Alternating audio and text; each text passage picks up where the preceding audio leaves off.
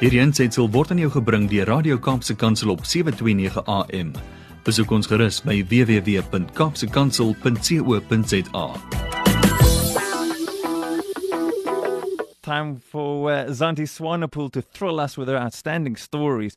One day we'll ask Zanti where she gets all of these stories from. One or two of them I've heard somewhere in my life before, but the rest it's always brand new. Zanti, do you have this do you have the secret website no one else knows about where you can all these amazing stories? Goeiemôre Zanti. Môre Brad. Ai, weet jy as dit net so maklik was. Ja, ja. Net as dit webwerf self kan discover. Ag weet jy wat, ek wil net sê ek dink die Here ken elkeen van ons so en ek vertel en en luister en lees stories al vandat ek kan onthou. Ja. Vandat ek bitter klein is en dis maar hoe die Here met my praat en op 'n manier kry die hele tyd, jy weet, divinely bring die Here net die goedjies oor my pad. So ek is baie bly want ek ek weet nie anders ek sou leer nie.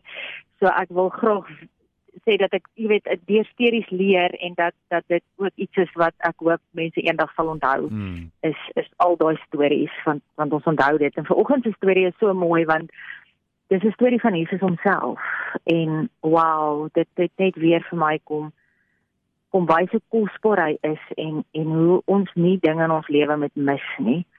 Nou ek wil vandag vir jou vertel, ek is verskriklik lief vir Amerika, baie lief vir my eie land, maar my tweede land is is dis ek weet nie, ek het net 'n liefde vir vir die plek.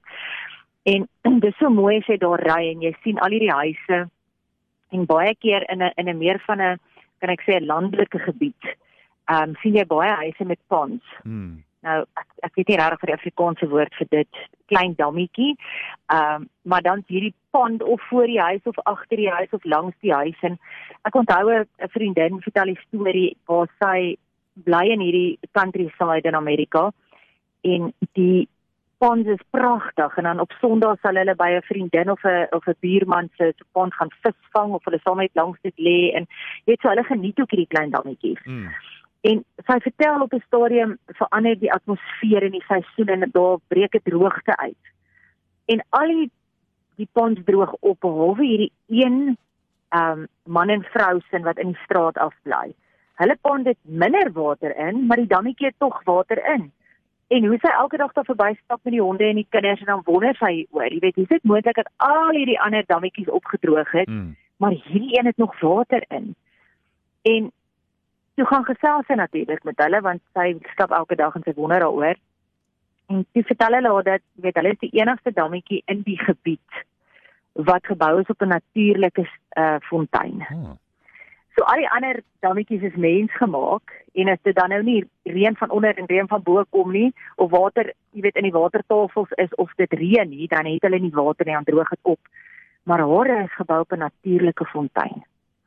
En weet jy, toe sy dit vir my vertel, dis dit dis so 'n uh, jy weet wanneer die Here net so kom en hy kom maak net iets vir jou oop. Dis nie jy wat dit uitdink nie, dis regtig die Heilige Gees wat net wysheid vir jou bring. En as asof die Here net kom sê, maar dis hoe dit met my en jou ook is. Mm. Is ons het hom binne in ons. Maar as hy nie ons sustain nie, as hy nie binne in ons lewend is nie, as ek nie daai verhouding met hom het nie, ek kan niks doen aan die seisoene, ek kan niks doen aan 'n tydperk nie, ek kan niks doen aan die atmosfeer wat verander nie. Maar as ek hom nie het binne in my soos 'n natuurlike fontein nie, gaan my dam ook opdroog. Mm. En ek wil dit vanoggend by jou kom los want jy sien ons spandeer soveel tyd aan 'n klomp dinge. Maar doen ons regtig dit dit wat die Here vir ons kom sê het want ek wil jou uitdaag vandag en ek wil vir jou sê, wat sou jou laaste woorde?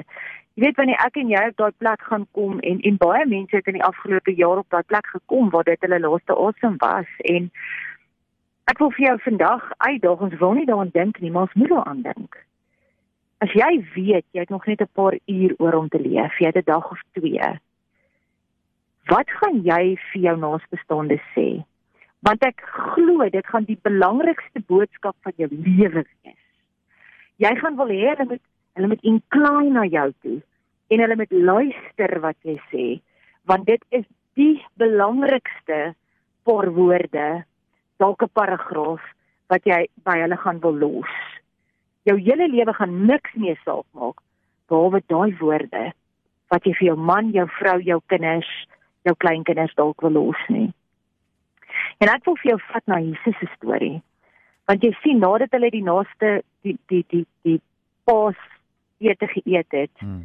en nadat hy hulle voete gewas het, het hy geweet hy het dalk 'n dag wat hy 24 ure bestaan oor om 'n verskil te maak en om iets by hulle te los voordat hy nie meer by hulle gaan wees nie. Ja.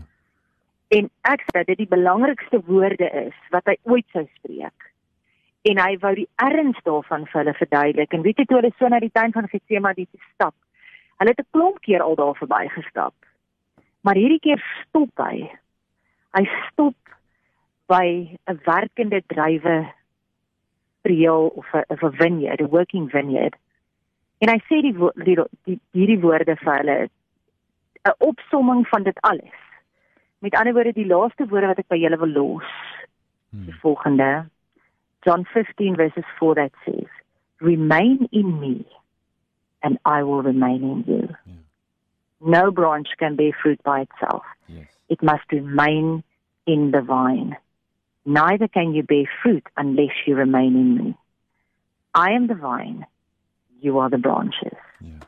If a man remains in me and I in him, he will bear much fruit. Apart from me, you can do nothing. Amen. Julle verstaan ons waar Jesus was op hierdie stadium dat dat dit vir hom so belangrik was om hierdie laaste woorde, met ander woorde disippels, alles wat ek julle geleer het, alles wat julle weet, is opgesom in abide. Ek wil vir jou sê dis 'n critical. Jy weet as jy in ICU lê, kritiek. Hierdie is dit, dis 'n kritieke boodskap vir jou lewe. Mm. Because the atmosphere may dry up. Your friends will betray you. Tough times will come. You will not sometimes be noticed. You will sometimes not be celebrated. Your heart will be broken. loved ones will pass away. But will you abide? Dis die mooiste woord. Weet jy Johannes gebruik daai woord in John se se gospel oor die 40 keer en in sy briewe 27 keer. Ek dink hy probeer vir ons iets sê. Die oorspronklike woord beteken sê meno. Hmm. It means to remain, to stay, to hang out with. Wow. To intermingle, to be ek wil dit vir jou verduidelik aan die grond aan, aan iets wat ek dink ons almal mee kan identifiseer is ek is verskriklik lief vir tee, ek geregte teepot mhm. en ek weet dat baie mense as hulle die teesakkie ingooi, dan los hulle die teesakkie daar vir 'n rukkie en dan drink hulle sommer die tee met die teesakkie in. En dan kry jy mense wat die teesakkie in en uit haal. Um, ek het so 'n vriendin, sy haal die hele tyd die teesakkie in en uit. Nou ek wil vir sê, wat doen 'n teesakkie as jy hom drink terwyl jy die of jy drink jou tee terwyl die teesakkie daarin is? daai teesakkie abide it's hanging there it is giving out its flavor it is becoming one with the sea and the water en as jy suikertjie drink van dit ook maar as jy die teesakkie die hele tyd in en uit haal en as jy metafories die teesakkie is dan beteken dit dan 'n jy dan 'n jy nie dan 'n jy dan 'n jy nie En dit is so interessant want ek vra dit vir my vriendin, maar hoekom doen jy dit? Hoekom sit jy die hele tyd hierdie teesakkie in en dan haal jy hom uit? She says because if I keep it in there too long, hmm. the tea is too strong. Aha. Ek wil vandag vir jou sê, your strength, hoor mooi. Your strength is determined on how long you abide. Ek kies om vandag net 'n voorie daai teesakkie te wees wat in daai tee bly en so sterk word as wat ek kan. Hmm. Because the capacity to stay sustained on the long stretches is your capacity to abide. En ek voel regtig in my gees dat die Here nie net vir my nie, maar dat elkeen van ons in 'n dieper verhouding na hom toe roep. 'n Deeper relationship, a relationship where we abide in Him, where our friendship with Him becomes the priority of our life.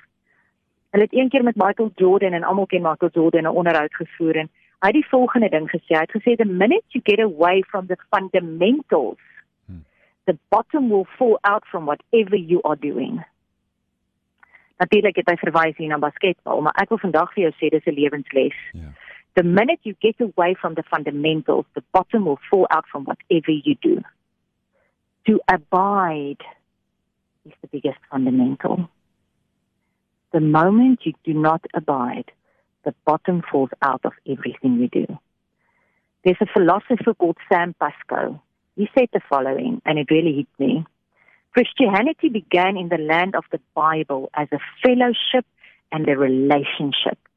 Then it moved on to Greece and became an institution, a place you go to. Then it moved to Rome, and in Rome it became a philosophy, a way you think. Then it moved to Europe, and in Europe it became a culture, a way you live. Mm. And from Europe, it came to America, and it became an enterprise. It's what we do, but it's not who we are. Groot verskil. Ja. Is Christianity something you do, or is it something you truly are? Dis my so mooi as Jesus sê. Hy praat van drie dinge wat hy vir sy sy disippels die belangrikste ding in die, in hierdie ganse lewe los en sê daar's niks meer belangrik as hierdie wat ek vir julle wil sê nie. Ek wil vir julle sê dat God, Abba Vader, He's the gardener.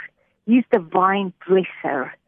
He plants the vine wherever he wants to plant it. He tends to the garden and to the vineyard. He tiles.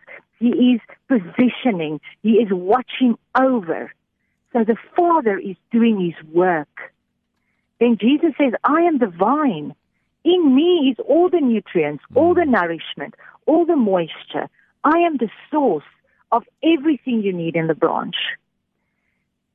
So I have done all the work. Yeah. The other Father God does his work. Jesus did the work. It's there. The branch must only stay connected. Weet julle hoe kragtig is dit wat ek nou vir jou sê?